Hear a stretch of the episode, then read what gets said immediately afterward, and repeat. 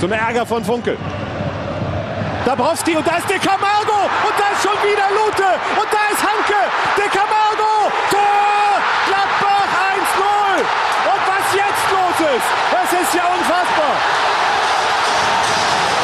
Der Borussia Park flippt aus auf den Rennen auf den Rasen. Hei og hjertelig velkommen til nok en episode av Gladbach-podden. Mitt navn er fortsatt Einar H. Dyvik, og som vanlig så har jeg med meg Markus Age Sand. Hjertelig velkommen. Tusen takk. Hvordan er eh, livet i Oslo for tida? Nei, det er fint, det, altså. Nå, nå har jeg faktisk ikke vært i Oslo siden 6. oktober, så det, det er lenge siden. Jeg, jeg bor jo rett utafor. Og ja, Ja. har jo fått en datter, så det er da grunnen.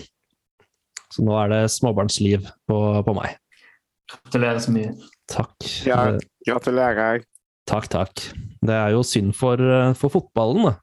Det blir liksom ikke Tysklands tysklandstur med det første, men eh, ja, det, det går greit med hun lille, flotte dattera mi. Ja. Mm. Du får eh, legge inn ekstra trilletur som 15.30 på lørdag. Også, Oh yes!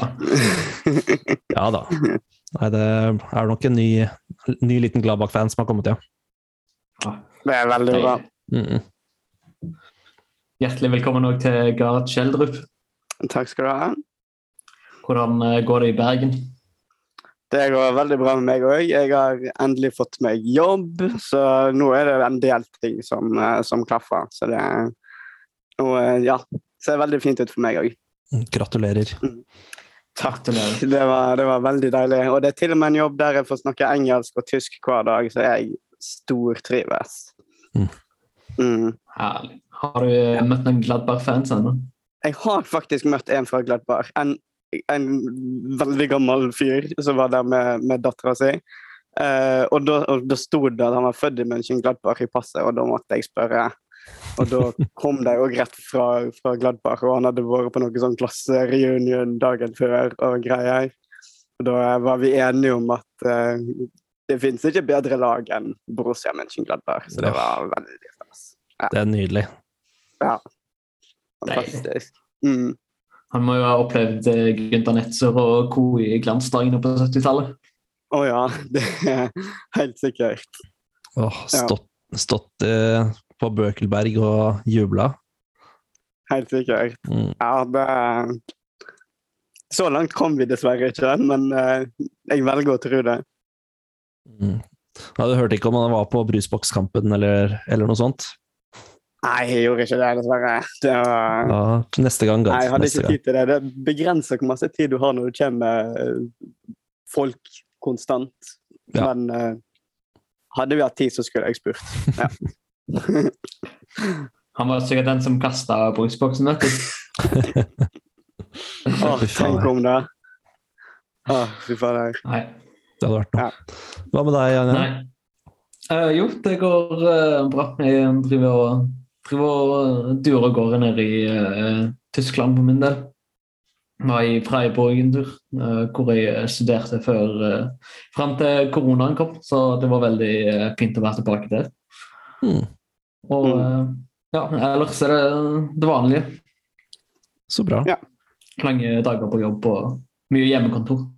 Mm. Litt, eh, litt småkjedelig, men eh, det går. Ja. Jeg håper det blir slutt på det på et eller annet tidspunkt. Da, sånn at Ja. Ja. ja. Skjønner jobbsituasjonen blir litt triveligere. Ja, absolutt. Mm. Nei, men det var i hvert fall en kamp for et par dager siden som eh, ga grunn til å glise fra øre til øre. Oh. Borussia München Gladbach 5, Bayern München 0. Jeg må nesten si det igjen. Borussia München-Gladberg 5, Bayern München 0. Og jeg hadde jo eh, litt typisk eh, Tyskland så datt internettet mitt ut akkurat den kvelden og eh, var borte fram til neste dag, så det var litt Det var fryktelig dårlig timing, men dere får lose oss gjennom kampen. Og Gladberg Gladbach gikk jo ut i 100 fra start, Markus. Ja, så, så de, til de grader også. Uh, og hvis det er liksom én dag du ikke skal ha nett, Einar, så er det jo denne kampen her. som, som klubben selv har sagt også, så liksom, dette er en av de 'jeg var der'-kampene. Og for oss så blir det sånn 'jeg så den'-kampene. Så den eh, Nei, den eh, Åh, det var uflaks. Men ja, fra start, to minutter inn, og nyinnkjøpte Coné får eh, sitt debutmål for klubben. Eh, og så, etter 21 minutter, så har Benzebaini satt to. Men det var vel kanskje fire-fem år siden eller sånn, vi leda 3-1 mot Bayern i sånn 17 minutter eller noe, og tapte 3-4. Så- Ja, det var sesongavslutninga 2012-2013. Ja, det var da Ribberi hadde en helt sinnssyk volley, var det ikke det? Ja, det var et eller annet. Ja, sikkert. Ja. Men det, det klarte de ikke denne gangen, holdt jeg på å si. Så det var jo 3-0 eh, 21. minutt, og så putter eh, Embolo to etter pause. Og det var jo helt, helt sinnssykt bra Altså, nei Jeg klarer ikke helt å liksom beskrive kampen. For det var liksom Gladbakk på sitt aller, aller beste, da. Jeg har ikke sett Jeg har ikke fulgt Gladbakk siden lenger enn 2011, men jeg vil tro at dette her er en av de beste prestasjonene til Gladbach siden storhetstiden på 70-tallet. De spilte så bra, og man, man skjønner liksom hvor de har fått kallenavnet sitt fra, da, følgende. Ja, og absolutt. ja, Bayern var svake, men jeg syns det har vært litt mye fokus i media sånn på at Bayern ble slått, eller Bayern tapte. Det, det er liksom ikke noe fokus på at, at Gladbach var et veldig bra lag i den kampen. Det er veldig mye fokus Mm, på at Bayern var veldig dårlig, men eh, det forteller ikke hele historien, da. Framsida på NRK var jo Bayern flause i cupen og, og sånn. Og eh, det, forteller jo ikke hele historien, egentlig. Det var ikke noe Bayern-flause. Ja, de spilte Nei. dårlig, men Gladbach var det beste laget, sånn desidert. Ja. ja. Og det er òg helt vilt å tenke på at det kunne lett stått 8-9-0 òg. Mm. Uh, ja. Det, det er jo ikke til å fatte. Så, ja, det, var, det var jo så mye sjanser at det var helt eh, det var Ja. kvalmt. Ja. Men man, man, man tør jo liksom ikke å, å juble før det blåses etter 90 minutter. I hvert fall ikke mot Mm. Bayern. Som Eivind Bisgaard Sunde også sa på, som kommentator, da, at det, er det ett lag som klarer å snu dette, så er det jo Bayern. Og Lewandowski skårte jo fem mål på ni minutter mot Wolfsburg for ikke altfor mange år siden. Mm. Så man blir liksom aldri helt trygg, men eh, i hvert fall første omgangen så var det jo lekestue. Ja. Rundspilte jo Bayern.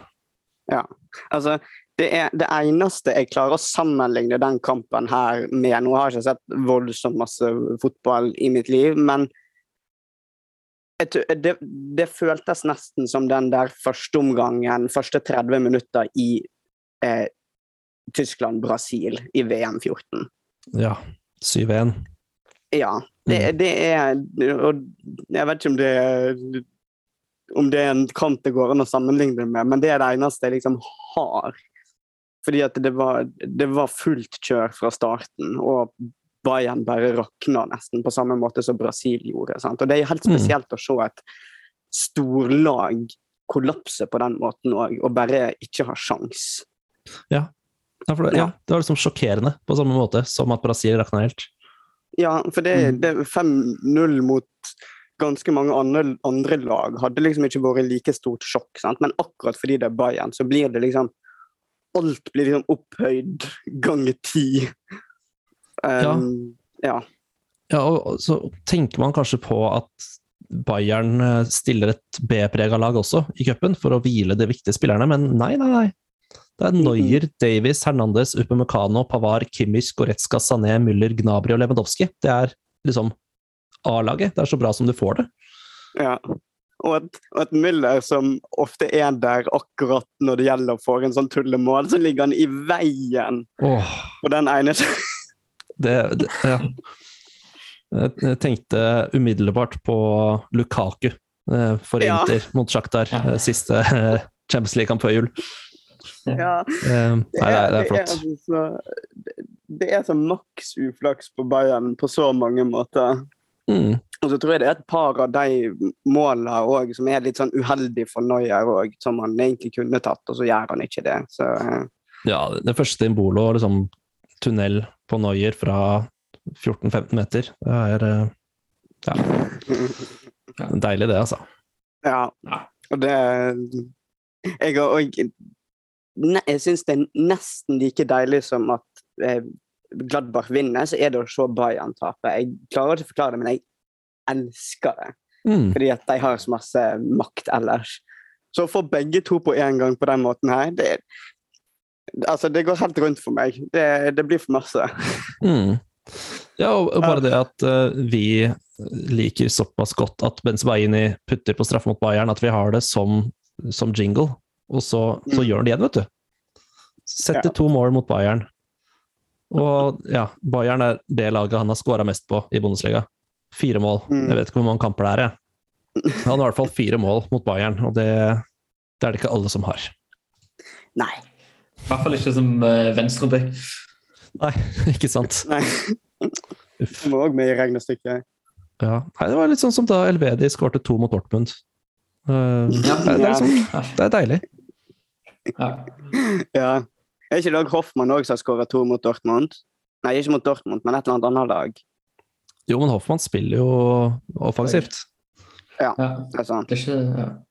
Ja, nei, bare husker han hadde en, eh, han hadde en, en dobbel en gang for lenge siden. Det var vel når han var helt ny, og det var litt sånn oi, Mm. uh, shit.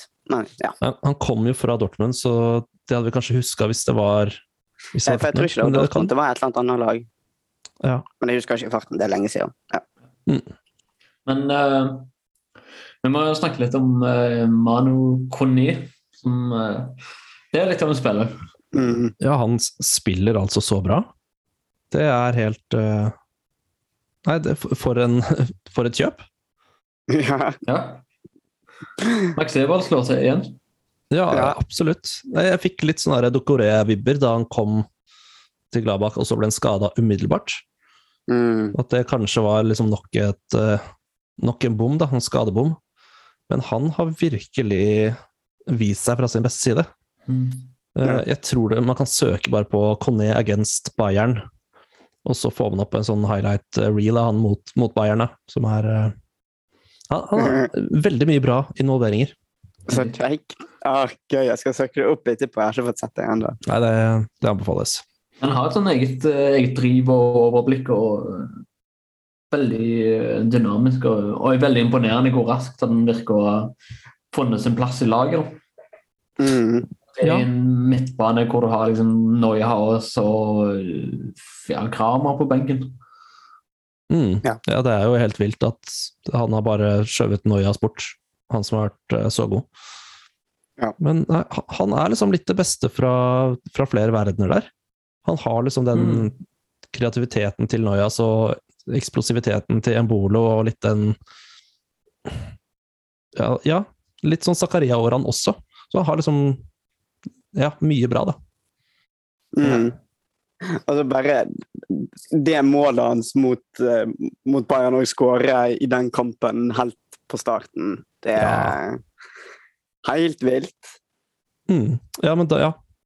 Da tenkte jeg at dette her er bare flaks. Dette, dette går dårlig. Eh, ja, men eh, Nei da. Nei, det var helt rått. Ja. Og så må vi jo bare minne om, før, vi glemmer det, at Bayern har jo ikke tapt 5-0 i en tellende kamp siden 1978. Som er sånn helt absurd lenge siden. Ja. Eh, vi har jo aldri slått dem i cupen heller. Nei. Det, det er første gang i historien at det skjer. Eh, ja. Jeg vet ikke hva jeg skal si engang. Jeg bare tenker at vi får oppleve det her. Mm. ja, det er virkelig en, en stor, stor kamp. Som Ja. kommer til å bli snakket om i lang, lang tid. da. Ja, jeg syns det var så kjekt, eh, for å nevne Eivind igjen, som kommenterte den der. Det kommer til å bli skrevet bøker om den kvelden her. Mm. Ja, jeg tror det. Ja. Det er liksom vår, eh, vår uh, Buksen Voff uten cola. Ja. Mm. Hvem var banens beste? Åh. Ja, hvem var banens beste? Oi. Jeg vet, jeg vet ikke helt. Det var Alle var gode. Ja. Ja, det viste jo òg den børsen den som du delte med oss, eh, Markus, den eh, karakterene til Kicker. Ja. Den skal jeg finne fram, og så kan jeg bare si, si kjapt hvordan stua var. Um, fra kicker, i hvert fall. De, de, var nok ganske harde mot Bayern. Skal vi se her nå. Ja, Hvis vi tar Bayern først, da. Og så skal det jo nevnes at én er den beste karakteren, og seks er den dårligste karakteren. Uh, beste karakteren på, for Bayern var Neuer med fire, og han var den eneste med fire så har du også to seksere, som er Jeg vet ikke hvordan det er mulig å få en sekser, men det er i hvert fall Hernandez og Upamecano fikk begge sekser. Som er, helt, dårlig, ja. ja, det er helt, ja. helt vilt. Så var det Kimmich, Pavar og Davies på 5,5, og resten på 5, da. Ja. Mot, mot Gladbach, hvor dårligste karakter var, skal vi se, innbytternetts på 2,5. Uh, og alle som starta kampen, så var det to som var dårligst. Fire spillere fikk karakter én. Kone, Benzbaini, Hoffmann og Embolo. Og at jeg er egentlig enig at, at de fire var banens beste spiller. Ja. Mm. For det, det, er så vanskelig å plukke ut én der. For bare det der at du har så mange spillere som får eh, karakter én av kicker, det er, sånn, det er ut av en annen verden, nesten. Mm. Mm. Veldig gøy at Embolo eh, virker å få litt flytende igjen. Ja, ja, virkelig. Absolutt. Han, eh, ja, han har jo potensialet, som så mange har sagt så mange ganger. Men at han virkelig mm. nå, da. Mm, ja. Mm. Kampen i seg selv fikk jo karakter 1,5 også, da. Den var. Ja, det er ingen Bayern-fans som har satt den karakteren. Nei, det kan vi være sikre på. Ja. uh. Men uh, for å løfte blikket litt, så på tross av en 5-0-seier mot uh, Bayern München i uh, cupen, så ligger Gladbach bare på en tiendeplass på tabellen. Bl.a. fordi man har spilt uavgjort mot uh, Stuttgart og tapt mot uh, Hertha. Hva er det med Gladbach denne sesongen som gjør at vi slår Dortmund og uh, Bayern, og så taper vi mot Hertha og Augsburg? Nei, altså, det gir jo ikke mening. Nei, det er helt rart. Men uh, vi er veldig sterke hjemme og utrolig svake borte. Det har noe med det å gjøre, tror jeg. Vi har fire tap borte og kun én seier, ingen uavgjort. Um, og det er jo ikke bra nok i det hele tatt. Nei. Nei. Vi har, har jo fremdeles ikke tapt hjemme. Men, men ja, jeg, jeg, vet ikke hva det er. Og jeg tror jeg skrev det på den chatten vår også, at etter den Bayern-kampen, hvor vi vant 5-0 over Bayern München, så var jeg fremdeles usikker på om vi klarte å slå Bochum hjemme. Ja, stemmer det. Det var jo litt bare så vidt. Ja, hadde, ja det var det det var. Vi hadde jo var litt farlig frampå på slutten. Ja.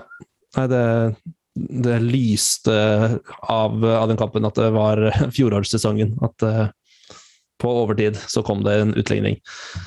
Mm. Ja. Nei, nei, men jeg har ikke noe godt svar altså, på hvorfor det ikke, ikke vil gå mot disse ikke beste lagene. Mens Dortmund og Bayern og, og Wolfsburg, de, de, slår vi jo, eller spiller uavgjort. Ja. Og så taper mot Herta. Det, det, er rart. Ja. Jeg tenker det er litt uh litt startvansker under eh, Adi Hutter, at jeg fortsatt uh, sliter litt med å finne liksom, riktig inngang til de forskjellige motstanderne.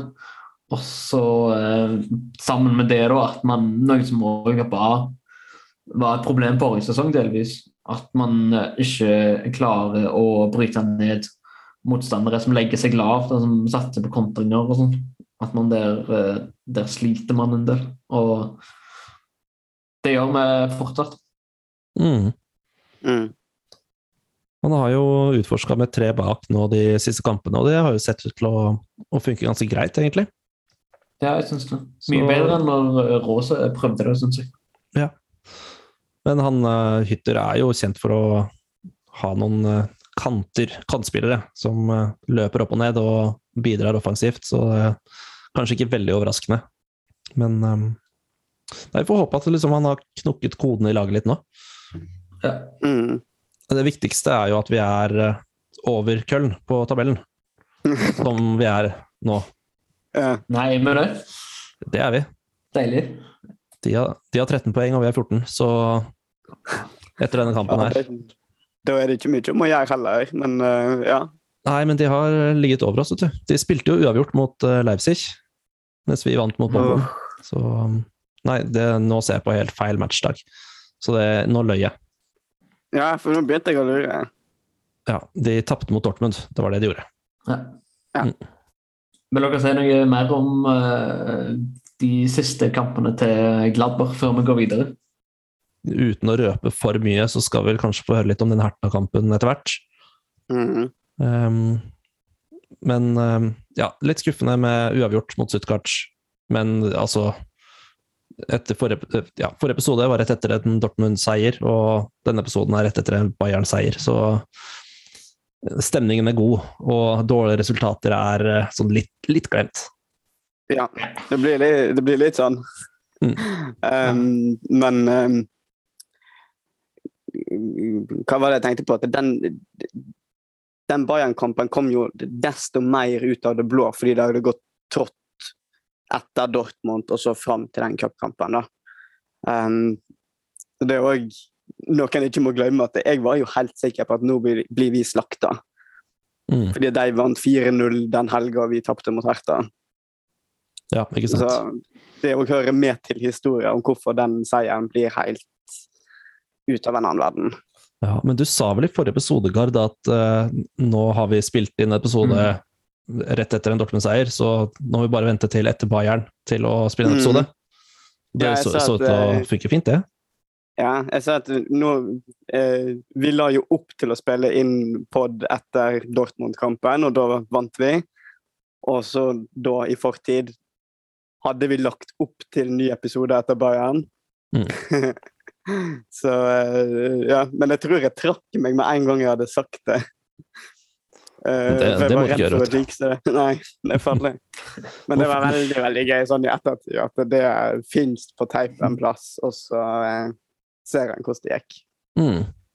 Vi Ja. spiller borte mot Leipzig 11., eller helgen 11. desember, så kanskje vi bare må legge opp til en episode rett etter det. Ja. eneste jeg, som jeg eh, lurer litt på, er hvordan eh, når, man, når vi har så mange sentrale midtbanespillere, og som f.eks. Neuhaus og Kramer, som var omtrent fast sentral på midtbanen forrige sesong, som nesten ikke spiller nå, og vi ikke har noe Europa hvor de kan eh, få, eh, få litt eh, kamptrening, så eh, lurer jeg litt på hvordan de eh, takler den situasjonen hvis det blir gående nå utover sesongen at de eh, hvis de skulle gå gretne eller um, vil bort eller sånn, hvordan, uh, hvordan utvikler det seg? Men jeg er også spent på hvordan, uh, hva som egentlig skjer med Neuhaus, for han, han har ikke vært helt seg sjøl denne sesongen så langt.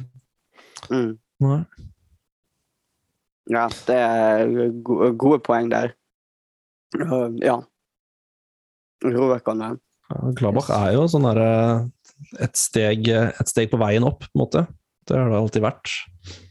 Mm. Ikke, har ikke alltid vært, men det, det er det nå, i hvert fall. Og nei, ja, det er, det er litt skummelt.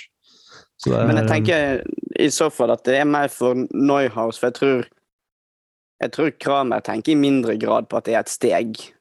Og han virker jo Ja. litt sånn som Janske og Herman, at han er bare Her vil jeg være, og så Men han, han kommer tilbake, eh, og han Ja. er jo han er jo snart 31.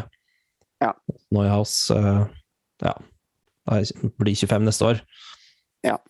Kanskje han skal hjem til Bochum på tampen av eh, karrieren en gang.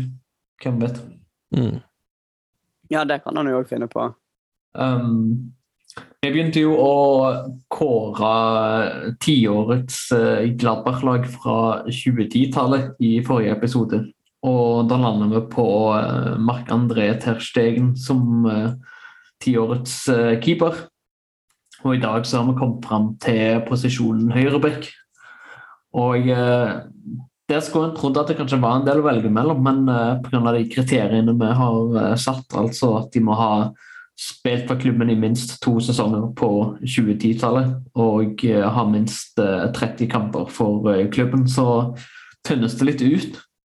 Og uh, da er det i grunnen to eh, hovedkandidater vi skal fram til, Markus. Ja, det er det. Den ene er kanskje ikke Nei, ingen av de er overraskende, egentlig.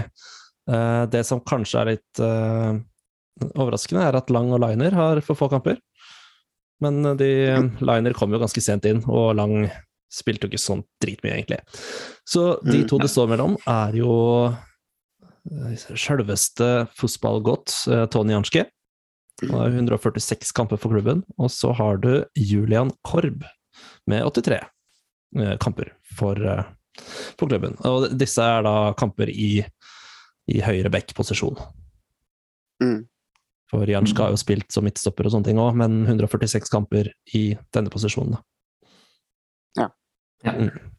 Kan vel òg nevne Nico Elvedi, som eh, spilte en del på høyre bekk i starten av hans uh, Gladbach-karriere, men han har jo blitt en eh, veldig habil midtstopper etter hvert. Mm. Ja, jeg har gått gjennom alle, alle spillerne i Forsvaret og, så, og satt i den posisjonen de har spilt flest kamper i. Og Jan skal ha flere kamper som høyreback enn midtstopper, eller, og andre posisjoner, for den saks skyld. Så derfor er han, derfor er han her, da. Mm. Mm. Mm. Det, ja, det er nesten sånn at det er litt urettferdig overfor eh, for Julian Korb det der, fordi at uh, det, det her er vel det letteste valget de har, nesten. ja, ja, jeg, det det? jeg skal ikke krangle noe på det, jeg i hvert fall. Man bare sier Tony Hatchcock og videre. Eller? Ja, altså Det finnes jo bare én av disse to som kan være med på tiårets lag. Mm. Og ja, nei. Tony Janske er fremdeles i klubben, mens Julian Korb spiller i andre Bundesliga i Holstein Kiel. Koser seg der. Og jeg, jeg føler liksom at, at eh, Korb har gjort det bra i ettertid, men det viser seg at han har ikke gjort det sånn veldig bra i ettertid. Og Tony Janske er jo mye mer verdt på transfer market og sånne ting enn en Korp, eksempel. Og det skulle man ikke tro, sånn, sånn egentlig. Nei. Men eh, vi sa jo at vi skulle eh, bedømme deg på det du leverte i den tiden det var i Gladbach. Ja, ja, absolutt. Eh, jeg, jeg hadde nok gått for Korb her, uan, nei, Janske her, uansett. Men, Ja. men Korb, jeg, jeg husker han godt. At han var en, en fyr som, som jeg husker spilte mye høyreback. Jeg tror kanskje at da, da han var i Gladbach, så spilte Janski mer midtstopper. Mm. Men da var det også Strandsel og Browers og, og de gutta her, så jeg, jeg, jeg føler liksom at jeg husker kor bedre enn Janski fra den tiden. Men Mm. eh, det kan hende jeg husker feil også. Men, Ja. Jeg må eh, innrømme at jeg faktisk uh, har tenkt å gå for Julian Korp på uh, høyrebekkplassen. Du har det, ja? Oi, Um, sprekt. og det, det er klart, hvis du skal Hvis jeg skulle valgt med hjertet, sånn, så hadde det jo vært uh, Tony Janske uh, med en gang. Men uh, som du var inne på, så for det første så har jeg Tony Janske i hodet mest som midtstopper, egentlig. Og når han har spilt på høyrebekk, så har det vært mer ut av en nødvendighet enn fordi han har vært så fryktelig god høyrebekk. Mm. Og så, så er det jo litt med det at Julian Korman var jo spesialisert mer i rollen som høyreback, enn at, han at han hadde mer å bidra med, eh, særlig offensivt. da. Han var ikke fullt så habil defensivt, men eh, hadde mer offensivt, så vidt jeg kan huske. eh, i hvert fall. Og så spilte han en god del sånn rundt eh, 14-15-15-16 de sesongene hvor jeg begynte å følge med. da. Så jeg har liksom sånn friskt i minne som høyreback. Men uh, jeg tenker at han er mer utprega høyreback enn uh, det Tony Janske. Så uh, jeg, har, jeg har faktisk tenkt å gå for Julian Korb på høyreback for å gi, gi laget mer ja, en utprega høyreback, rett og slett. Gi det litt mer dimensjon, ikke bare en ekstra midtstopper på, på bekken. Mm. Mm. Ja, du kom med noen gode poenger. Absolutt. Ja. Absolutt. Ja, helt enig. Jeg, jeg går nok fremdeles for Tony Janska, altså. Um, misforstå meg rett. Um, og ja, ja, Janska har jo mange flere kamper enn en Korb også, som høyreback. Eh, Det er nesten dobbelt så mange. Så å Ja. si at han eh, skal steppe inn som høyreback eh, hvis ingen andre kan, på en måte, sy syns jeg blir litt feil. Men jeg, samtidig er jeg enig i at han, han er ikke en utpreget høyreback. Han er ikke det. Hvis Liner hadde vært et alternativ her, så hadde jeg nok gått for han. Men Mm. um, Ja. for meg blir det Janske denne gangen. Ja. Ja. Så er det Gard som avgjør, da. Ja, men det, det har jo allerede avslørt hvor jeg ligger henne. Mm. Det um, Og vi skal, vi skal til 2010-laget, og vi har jo liksom Vi ble jo litt sånn tvungen til å se på hele det defensive når eh, vi fikk litt problem med høyrebacken og har nok eh, kandidater. Så det er litt sånn Skal Janske inn på laget, så må han på høyreback, nesten. Eh, fordi at vi har flere som eh, er på midtbane Eller som er stoppere Mm. å, å velge mellom. Og et 2010-tall-lag uten Janske Det, fins liksom ikke. Det, det går ikke an å ikke ha han med på laget, liksom. Uh, og så er det litt sånn tilfeldig som gjør at det er akkurat høyreback han må inn på, da. Um, ja. Men det Ja. Jeg, jeg har vært så tydelig på at eh, det er han jeg har høyest på lista blant alle Gladbach-spillere, egentlig. Så eh, det burde ikke komme som noen overraskelse at det er han jeg har på høyreback. Nei. Nei. Det velges jo med hjertet her òg. Ja. Kan, du ikke- kan du ikke si noe annet. Nei. Nei. Men jeg, eh, jeg er absolutt enig for å ha Tonje Janske på Herobek. Jeg er nesten litt letta for at dere eh, går for Tonje Janske begge to, som eh, ikke ender opp med Jørgen Kår på laget egentlig, og uten Tonje Jenske, for det hadde, det hadde vært litt flaut. Ja, det hadde det. Ja. Jeg er veldig spent på hvordan eh, eller så Hvis Gard kommer opp på en posisjon hvor han må velge mellom Patrick Herman og Marco Royce, da. Det kan bli, eh, det kan bli vanskelige stunder.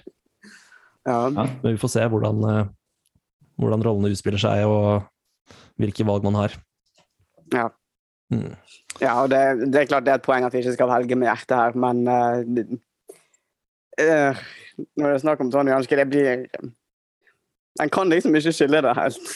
Det, jeg merker iallfall sjøl at det er vanskelig, for det så uh, Det blir for nært, på en måte, at jeg klarer liksom skille det, det emosjonelle helt. Mm. Har du lyst til å høre hva, hva Reddit-fansen stemte fram? Ja. Ja. Har du lyst til å gjette? Men jeg er mest spent på hva, hva, hva prosentandelen er her. Ja, nei, vi kan jo si at det var 110 som stemte totalt, og en av spillerne fikk 102 stemmer. Ja, det er jo Det var Janske. Ja, det var det. Korp fikk åtte stemmer, da, så det er jo hyggelig. Ja. Ja. Jeg tror det sier egentlig mer om, om eh, Janske enn om Korb, egentlig. Ja, ja absolutt. Ja. Men han er jo ingen kjempegod høyreback. Han har noen helt fantastiske taklinger, og han Mm. er en, en viktig person.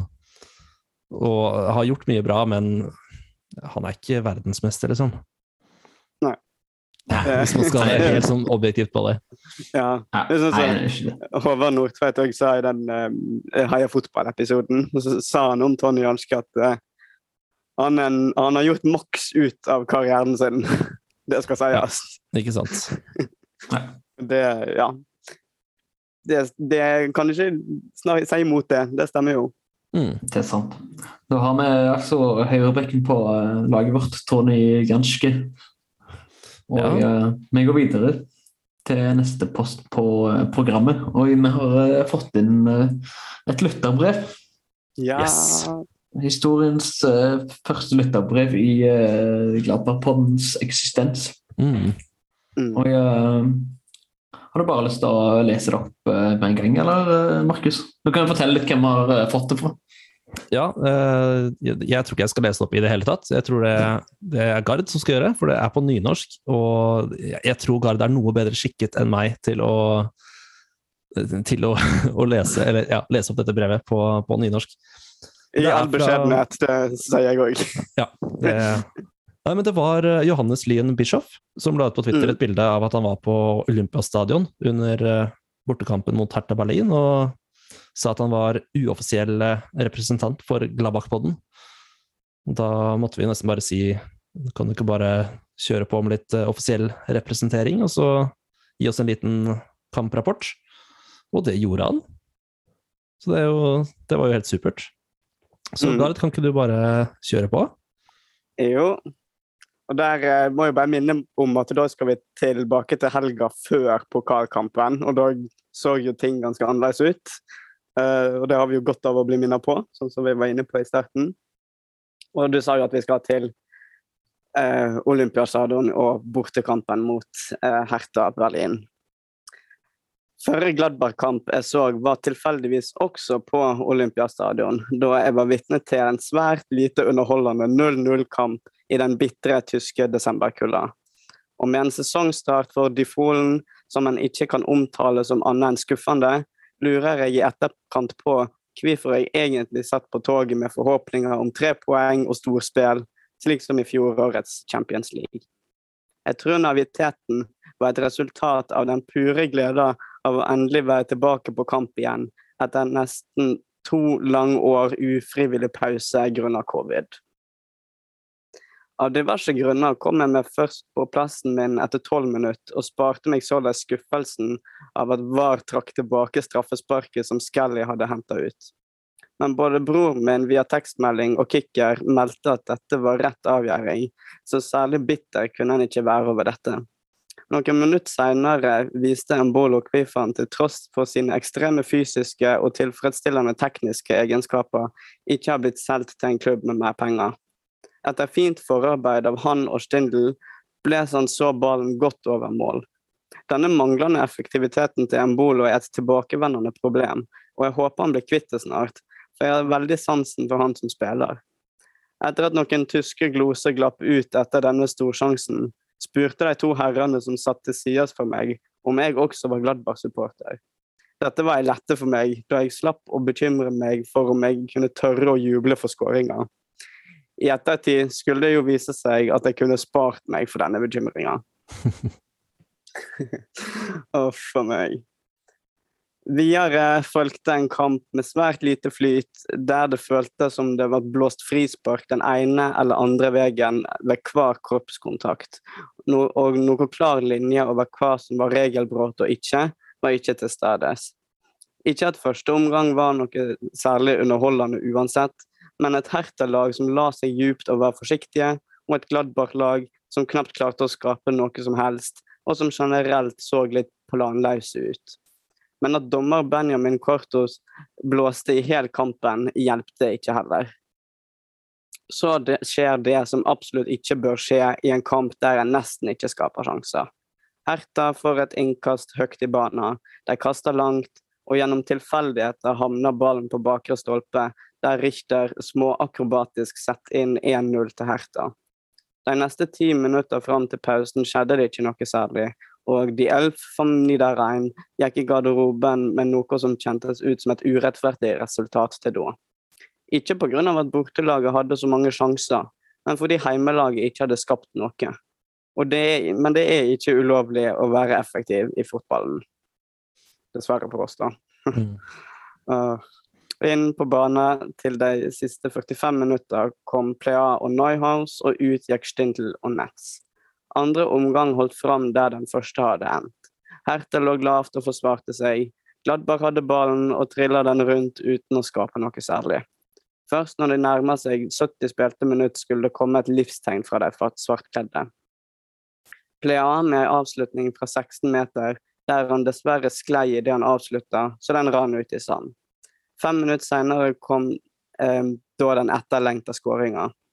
Neuhaus sitt andre forsøk på å stikke igjen Embolo til høyre i 16-meter var vellykka, og han trilla inn til en sentralt plassert PA som avslutta i nettmaskene. Jeg skulle til å juble da jeg i øyekroken så linjemannen flagge. Offside på Embolo, ingenting å si på det. Etter hvert kom Herman inn for Conné, uten at dette hjelpte noe særlig. Annet enn et skudd fra Herman i nettveggen fra spiss vinkel i sluttminutter, kom det svært lite fra Kladberg. Hertha forsvarte seg godt nok, og klokka tikka sin vei mot 90 minutt. I sluttminuttet hadde heimelaget noen gode kontringsforsøk som de ikke utnytta skikkelig, og det var nærmere 2-0 enn 1-1 på tampen. Dommeren ble til slutt av, og det enda 1-0. De tankene jeg satt igjen med etter kampen, var for det meste negative. At han skaper så lite framover mot dette laget er skremmende, siden bare Greuter før hadde sluppet inn flere baklengsmål enn Hertha i Bundesliga før denne kampen. Det virker som at det ikke fantes en plan i det offensive spillet. Spillere som Hoffmann og Stindl, som normalt er store bidragsytere i det offensive, var svært anonyme, og særlig Hoffmann var skuffende svak. Men den største skuffelsen var uten tvil Neuhaus. At jeg for noen måneder siden prisa meg lykkelig over at Max Eberg klarte å holde han i klubben i overgangsperioden i sommer, kan jeg ikke skjønne. Han blir flytta innpå, labber rundt, null energi. Han ser rett og slett ut som han ville være en helt annen plass enn på Olympiastadion. At en spiller som var så enorm forrige sesong, har tapt seg så mye, kan jeg ikke skjønne. At en i der en skaper så lite, vel å bytte innpå spillere som Herman og Neuhaus, uten å gi Wolf eller Bennett en sjanse, som er spillere som kan dra av en mann eller to og skape litt uro, er for meg uforståelig. Jeg har fremdeles trua på Adi Hutter, og at han kan få til gode ting med troppen, og det er urettferdig å dømme han etter ni kamper. Men at det til nå har vært en skuffende seriestart, til tross for uavgjort mot Bayern og tre poeng mot Dortmund, er ikke til å legge skjul på. Det positive var de to inne sentralt, syns jeg. Zakaria virker som han er på vei tilbake til sitt skyhøye nivå, og jeg får mer og mer sansen for Kone, og han virker som et framifråkjøp. Og idet orda 'Noen der Hause Ginvenich' fra Hertha-hymnen drønner utover stadion etter kampen, var det bare én ting jeg ville, nemlig 'Nach og bort fra dette stadionet. Alt i alt var det en skuffende kamp på alle måter. Null poeng, Gladbach spilte dårlig, Ultrasen møtte ikke opp i protest mot personaliserte billetter, så stemninga var så som så på stadion, spesielt når de bare fikk lov til å selge 25 000 billetter. Det var en mager trøst at transporten vekk fra stadion gikk rimelig effektivt ved hjelp av S-banen, og at det ikke var et kaotisk og treigt system med bare busser, slik som ved Borussia Park. Takk for meg. Og takk til deg, Johannes, for kampreferat. Virkelig. Uh, ja, så selv om det er grått og trist, så gjenspeiler det både kampen og sesongen uh, veldig godt, sånn som det var fram til det tidspunktet der. Helt enig. Det, ja. Men det er jo artig å liksom, høre på dette her nå, etter, etter denne Bayern-kampen og, og, sånt. Det er ganske ja. forskjellige, forskjellige inntrykk, da. Ja. Det, det, er to Altså, det er før og etter den kampen, nesten. Mm. Uh, og jeg håper at uh, både den og at når vi nå klarte det mot Bochum, at det tyder på at det kanskje er i ferd med å snu litt. Mm. Ja. Jeg får håpe det. Jeg liker denne manglende effektiviteten til Rambolo, som er et tilbakevendende problem. Jeg håper det, vi blir kvitt det snart. Ja. Det, han, fikk, han, fikk, uh, han fikk det som han ville, for han storspilte jo mot Bayern. Ja, mm. absolutt. Ja, det var godt formulert. Det er veldig ja, det er veldig artig å lese det i ettertid. Uh, for det er liksom sånn der Nå veit vi hvordan det gikk like etterpå. Ja. Mm. Ja men det var, eh, det var fint. Ja. Så tusen takk igjen. Veldig, veldig gøy. Mangler bare at når vi har eh, funnet formen, så får han alle ønskene sine oppfylt. Ja. men uh, Gladbach har jo et par uh, kommende kamper. Og uh, nå ser eh, kampprogrammet fort uh, litt lettere ut. Så kan vi spille mot eh, Mainz, og så kommer Greuter Furt på besøk. Og så er det derby mot Köln i slutten av eh, november. Mm -hmm. Og her bør det vel være ni poeng på de tre kampene, eller hva tror dere? Sånn i utgangspunktet, ja. Men med den borteformen vi har, så er det jo Ja. Mainz har ikke vært dårlig, de. De ligger på femteplass. Mm. Og vi skal møte de borte en fredag kveld, så jeg tror ikke det bare blir lett, det. Og Køln også har gjort det overraskende bra, egentlig. Nok en bortekamp. Men, Mm. eh, men ja, i utgangspunktet så er det ni poeng, altså. Ja. I alle fall hjemme mot Grøta Furt. Der kan jeg ikke tenke meg noe annet. Nei. Nei, Da er det bare, den, bare å legge opp. Ja. Nei, vi kan ikke gi dem deres første seier for sesongen. Ikke hjemme. Nei. Nei, men det er, det er jo vanskelig å forutse, da. For, altså, Ja. Man kan tape mot Herta og knuse Bayern, liksom. Det er, eh, det er Gladbach. ja, bingo. Mm. Nei da, jeg, jeg absolutt trua jeg, på at, uh, at vi har knekt en eller annen kode nå. Og at, uh, Ja. at vi henter inn vår første borteseier på, på fredag. Ja, men jeg er enig, jeg er litt uh, småbekymra for den uh, Mainz-kampen nå til helga. Mm. Ja, de har vært veldig gode siden Bo Svensson overtok. Og uh, ja, som du nevnte, har vært veldig gode denne sesongen òg. Og uh, vanskelig lag å bryte ned. Så um, det blir den tøffeste av de tre, sånn som jeg ser det. Så syns jeg Køllen er litt vanskelig å spå, for jeg har, har hatt en ganske god start på sesongen, men plukka en del poeng hvor de ja, hvor en kanskje skulle forvente at de skulle plukke poeng, da. Og så Ja. ja. Men det er Derby, Mm. og det, det er Köln. Så det, det er liksom som cup. Der, eh, der er det bananas uansett. Ja. Mm, ja. Og nå, eh, nå vant jo de for ikke så lenge siden. Det var vel forrige derby, så da er det jo Sånn som statistikken er, så er det jo vi som skal vinne igjen i ganske lang tid. Mm. Det får vi håpe. Men jeg er enig i eh, at den Mainz-kampen er den skumleste. og det, det er nesten så jeg syns at fredag kveld borte er skumlere enn at det er Mainz. Fordi at jeg forbinder det sånn med Freiburg. ja. Um, ja.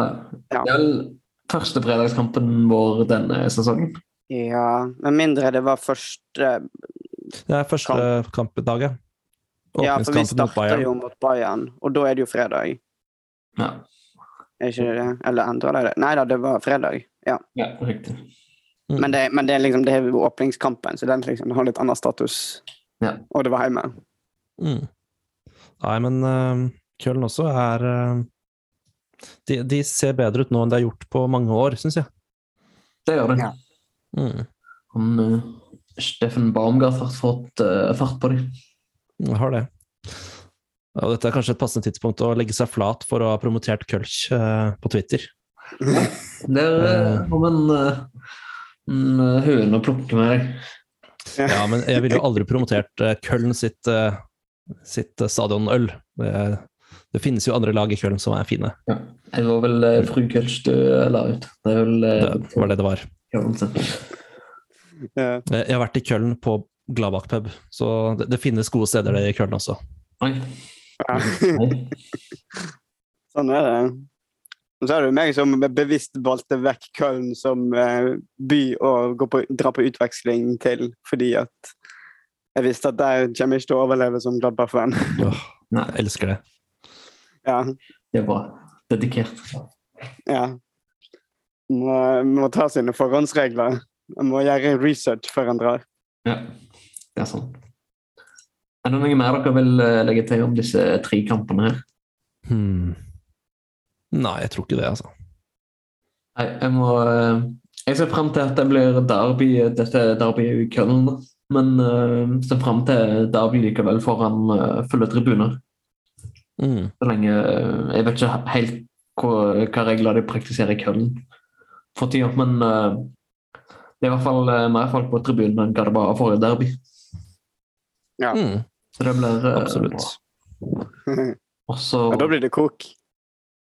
Så kan vi jo ta med at uh, Gladbach skal møte Hannover borte i uh, neste runde av uh, DFB-pokal i eh, midten av januar en gang. Mm. Mm. Det er jeg er bare glad vi ikke fikk Dortmund eller Leipzig. Ja, det hadde vært erketypisk, men nå, nå har vi klart Bayern, så Ja. får håpe at vi ikke går på en skikkelig smell mot, eh, mot eh, Hannover. Ja. Og så er det Dortmund skal vel møte St. Pauli. Det, altså, der kan det skje mye. Ja, det tror jeg blir en kul kamp. Ja. Mm, Vi får krysse fingrene. det kan det bli. Å ja. Nei, men uh, vi får uh, Dere får takk for denne gang.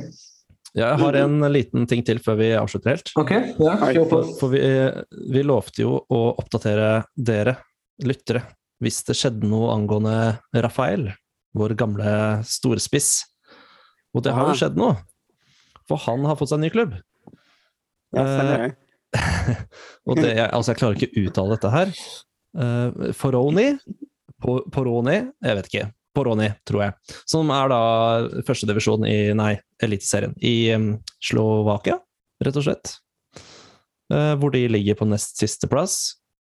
Har eh, nylig vunnet sin andre kamp for sesongen, av 13. Og Rafael har kontrakt der fram til 31. desember. Så det er da ni kamper, inkludert cupen. Så det, det, er jo, ikke det lengste oppdraget, men eh, da er det i hvert fall oppdatert på verdens beste fotballspiller. Mm. Og de hørtes ut som de kunne trenge en magiker. Absolutt. De har jo han Skrtel, Ja, Topp. Ja. Gode gamle. men eh, Nei, altså Ikke selveste. Dette må være en, eh, en fjern slektning. Philip på 19 år. ja, ok. Yes. Men eh, dere begynte å lure litt. Ja. Ja. Har Rafael fått, noen, eh, fått noen kamper? Han har eh, Altså, transfer market er ikke sånn kjempeoppdatert på den slovakiske cupen. Men uh, ut ifra jeg har klart å se, så hadde han én assist i cupen. Og har ikke spilt noen ligakamper ennå. Mm. Nettopp. Det er bra, da. Ja. Mm. Jeg tenker at han kommer tilbake til Tyskland eh, ganske snart. Han er jo blitt tysk statsborger og sånt, så det Jeg vet ikke helt hva dette her er, om det er et PR-stunt eller hva det er, men ja. Jeg er i hvert fall klar til eh, januarvinnere, da. absolutt. Yes.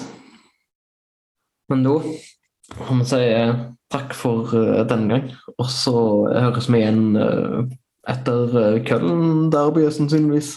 I slutten av november. Yes. Mm. Takk til Markus Agnesand. Takk selv. Takk til Gard Kjeldrup. Takk til deg òg. Takk for at du hører på oss. Vi er Gladbarpodden, og eh, selvfølgelig òg hjertelig takk til eh, Johannes eh, Lyen Bischoff for eh, nydelig eh, lytterbrev. Mm. Mm. Så får dere ha på gjenhør. Ha det. Tjus. Fast and furious start from the Foldenhoff. Here is Joe Scanlon. Embolo. Here's Jonas Hofmann.